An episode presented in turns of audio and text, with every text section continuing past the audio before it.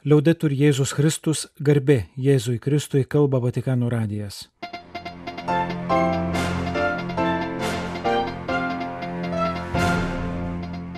Malonus klausytojai šioje programoje. Popiežiaus kreipimasis į pasaulinio brolybės susitikimo Romoje dalyvius. Žinia Europarlamentarų grupiai. Galima pridurti, kad ir sekmadienį Vatikano spaudos salė patvirtino, jog popiežiaus būklė po operacijos ir gyjimas yra geri įvyko tradicinė Italijos piligrimystė - savaitė Lietuvoje.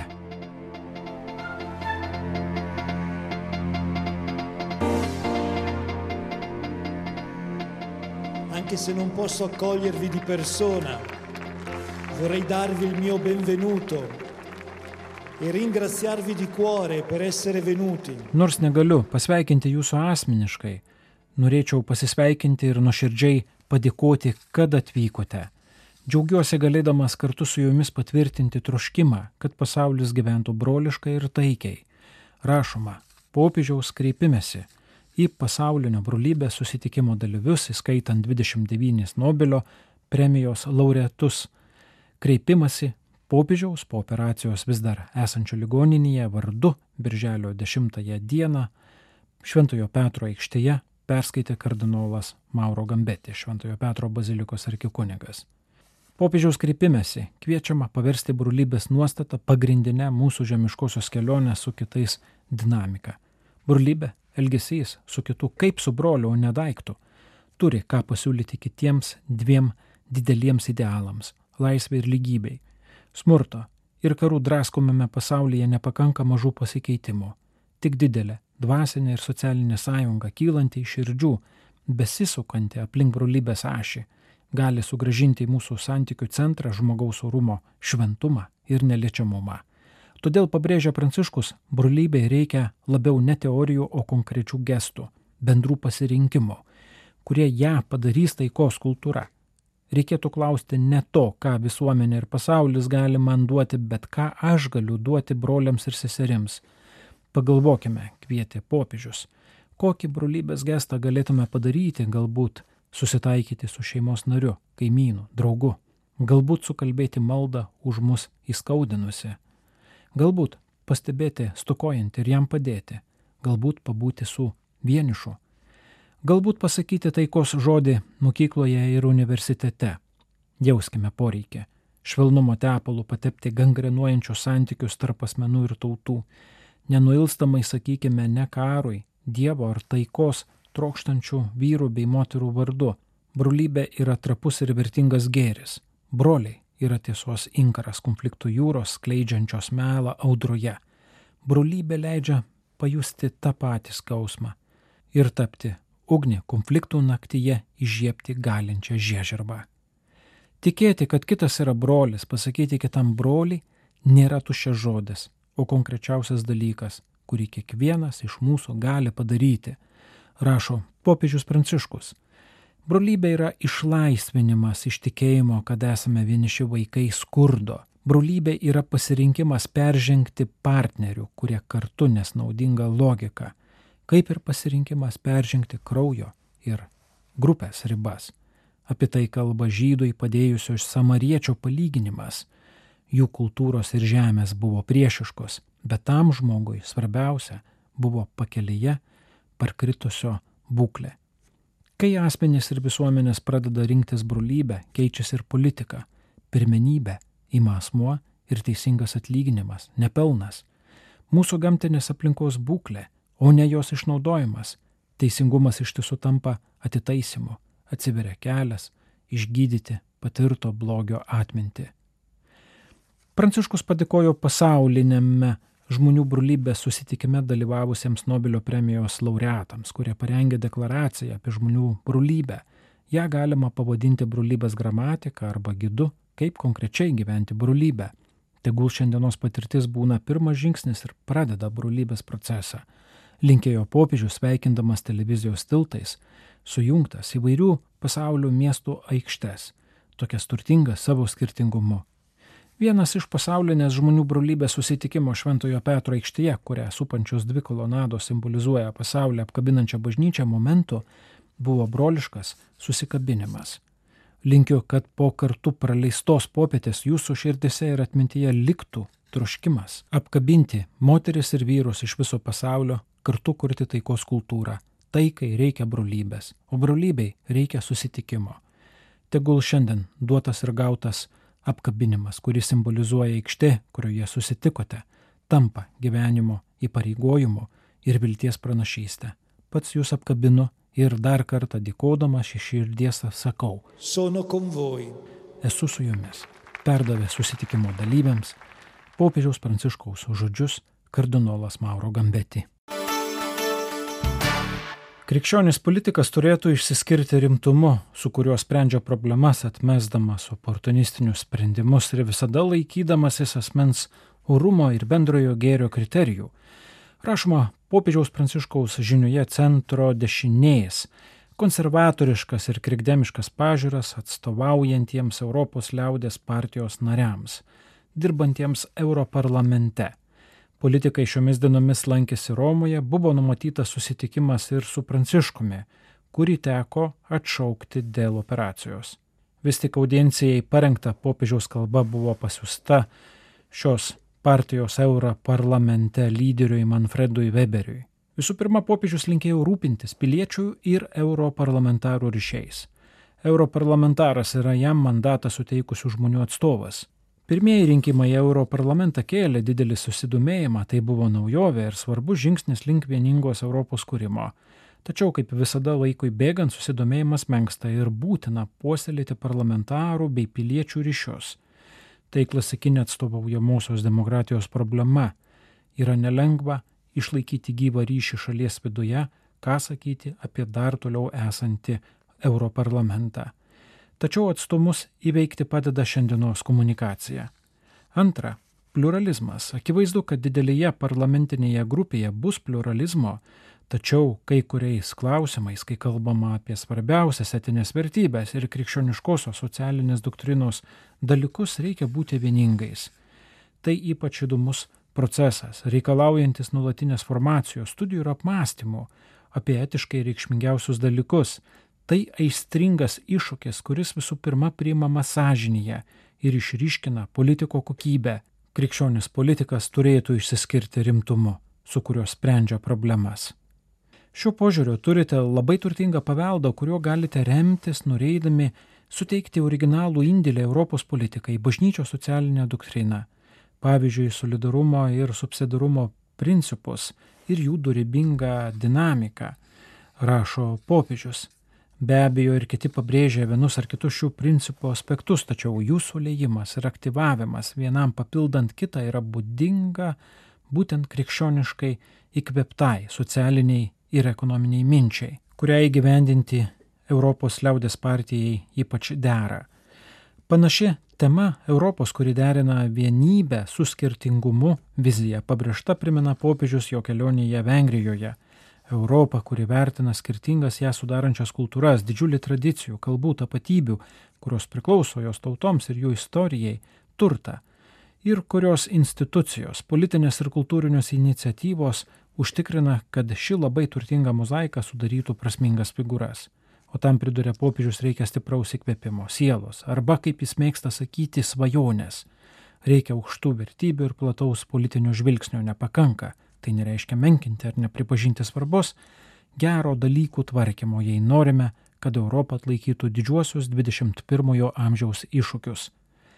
Norint kaip vieningai Europai įveikti šios iššūkius reikia aukšto ir stipraus įkvėpimo, pakartojo Pranciškus, linkėdamas atsigręžti į Europos tėvų steigėjų pavyzdį bei mintis.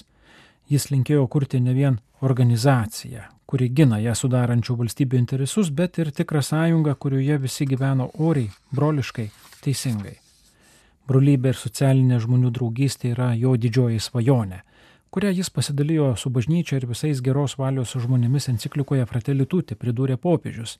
Jo įsitikinimo brolybė gali tapti įkvėpimo versme tiems, kurie siekia vėl įpūsti gyvybės Europai, kad pilnai atsilieptų į savo tautų ir pasaulio lūkesčius Europos projektas negali nebūti pasaulinės reikšmės projektu.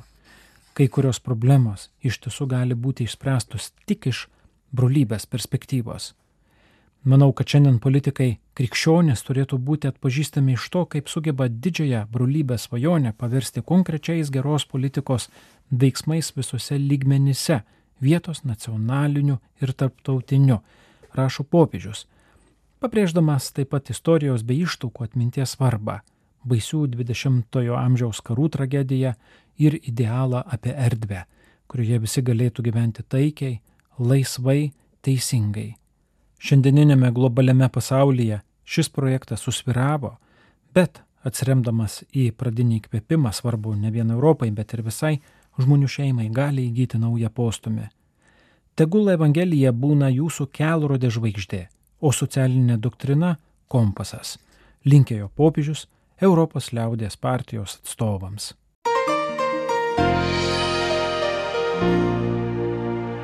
45-oji metinė piligrimystė centrinėje Italijoje iš Mačeratos į Loretą šiemet įvyko pagal tradiciškai susiklošiusią tvarką, kurią per kelis pastarosius metus gerokai sujaukė pandemija. Piligrimai per naktį vėl ėjo tuo pačiu 28 km maršrutu iš Mačeratos į Loreto Marijos šventovę.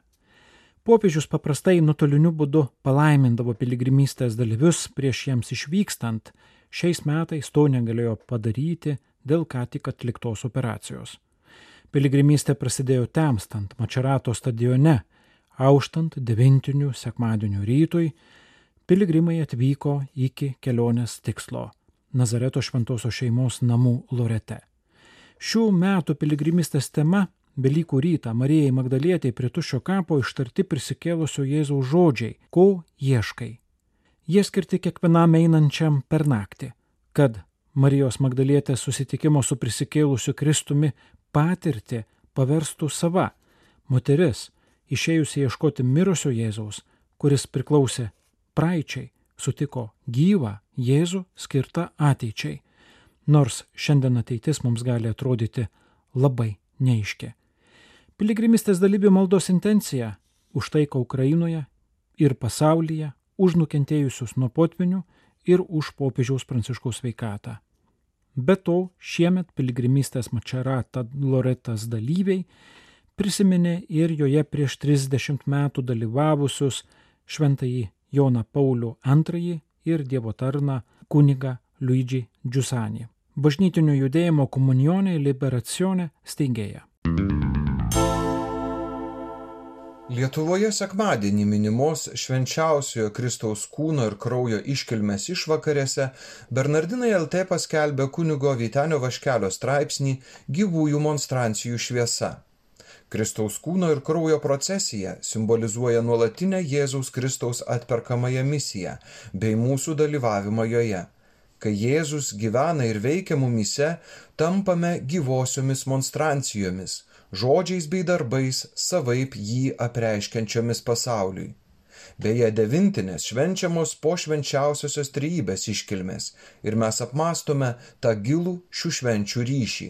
Juk priimdami šventojoje komunijoje Jėzų dar artimesni tampame tėvui bei dvasiai, taip trokštančiais, kad mūsų gyvenimas tikėjimų žemėje dėl begalinių sunaus nuopelnų būtų vertas perkeitimo į palaimintąjį aukščiausiojo regėjimą danguje, primena kunigas Vitenis Vaškelis. Praėjusią savaitę skaitytojus pasiekė naujas žurnalo kelionė numeris. Pagrindinė čia skelbiamų straipsnių tema - džiaugsmas kryžiuje. Kelionės skaitytojai yra kviečiami ieškoti atsakymų į klausimus, ar tikrai šis pasaulis taip tobulai sukurtas, ką daryti, kai į mūsų gyvenimus įžengia mirties šešėliai, kaip priimti tą kančią, kurios neįmanoma išvengti ir ar joje gali gimti kas gero. Kokia yra džiugesio, juoko, džiaugsmo patirčių vieta mūsų kasdienybėje. Skiltyje asmenybė pristatoma rašytoja Laura Sintija Černiauskaitė Ji, neseniai išleidusi knygą Džiaugsmynas, dosniai dalyjasi savo gyvenimo istoriją, kurioje net pro rūpeščių ūkanas spindi kažkoks dangiškas džiaugsmas. Rašytoja įsitikinusi, kad kiekviename iš mūsų likęs dar rojuje žmogui įdėktas džiaugsmo genas, kuris tiesiog šaukėsi laimės. Birželio 6-ąją dienraštyje Bernardinai LT buvo paskelbtas Saulenos Žiukždaitės straipsnis apie Lietuvos katalikiškų medijų atstovų pokalbį su Vilniaus arkivyskupu Gintaru Grušu. Jis įvyko iš karto po Birželio pirmąją surinktos spaudos konferencijos, kurioje arkivyskupas atsakė į žurnalistų klausimus apie buvusio Vilniaus arkivyskupijos kanclerio bylą. Skundų mus pasiekia iš ties nemažai ir jie yra tyriami, sakė arkivyskupas, atsakydamas į klausimą, ar nederėtų atlikti seksualinio smurto prieš vaikus katalikų bažnyčioje Lietuvoje visuotinio nuodugnaus tyrimo. Akivaizdu, kad visuomenėje ir katalikų bendruomenėje yra susikaupę daugybė skaudulių, kurių vienu žingsneliu neišspręsi, reikalingi gyjimo procesai. Į mintis apie dėl tokių skandalų galimai silpstančią bažnyčios galę ir įtaką Gintaras Grušas sureagavo sakydamas, kad svarbiausia ne reputaciją išsaugoti. Bažnyčia yra stipri tada, kai seka savo mokslu. Ne jos įtaka visuomenėje yra pagrindinis naratyvas, o šventumas. Jei reikėtų atsijoti ir kunigystėje palikti tik tobulus žmonės, tai tikrai neliktų labai daug. Keliems iš 700 kunigų bus užvestos šventumo bylos. Tikriausiai rankų pirštais gali suskaičiuoti. Mes visi esame nusidėjėliai ir čia reikia išlaikyti labai sunkę pusiausvyrą. Arkivyskupas kalbėjo, kad ir kunigai, ir eiliniai tikintieji yra iš to paties molio, turi tų pačių žaizdų, taigi reikia nenuleisti rankų, siekti idealo, eiti tuo šventumo keliu ir padėti jiems taisytis. Toks požiūris reiškia ne kartelės nuleidimą, o pripažinimą, kad augimas neįmanomas be didelės kantrybės, kurios kartais mums pritrūksta, apgailestavo Vilniaus arkivyskupas. Birželio 8 dieną Kauno arkiviskupijos kurijoje įvyko arkivyskupo Kestučio Kėvalo susitikimas su Sielovados centrų vadovais bei darbuotojais pagrindinių kurijos institucijų - Karito, Katechetikos, jaunimo bei šeimos centrų, Jono Pauliaus antrojo piligrimų centro, akademinės bei pašaukimų sielovados, Šilvos piligrimų centro vadovai apmastė ir pristatė savo veiklą, dalyjosi bendradarbiavimo patirtimis. Praėjusią savaitę asmeninius jubiliejus paminėjo du Panevižio viskupijos ganytojai. Vyskupui emeritui Jonui Kauneckui sukako 85, o vyskupui Linui Vodopjanovui 50. Šioms progoms skirtos publikacijos pasirodė Panevežio spaudoje. Laikraščio sekundė pakalbintas vyskupas Linas Vodopjanovas pasidžiaugė daugeliu gražių dalykų, kuriuos patiria savo tarnystėje. Nors Panevežio viskupijoje parapijos nėra didelės, ji džiugina žmonių entuzijazmas, kūrybiškumas, pamaldumas. Visą laiką raginu, kad nors ir nedaug jūsų, bet būkite karšto širdies, degantys žmonės, tokie, kurie neįpultų į pesimizmą. Kita kartą žmonės sako, iš mūsų nieko nėra, bet tikrai nėra taip. Melstis yra didžiulis darbas, o jeigu meldžiamasi už bažnyčios reikalus, bažnyčios intencijomis įsijungiama į bendrą misiją. Tai labai džiugina ir kelia širdis, kalbėjo panevežio vyskupas. Vatikano radijui Giedrius Tamaševičius iš Vilniaus.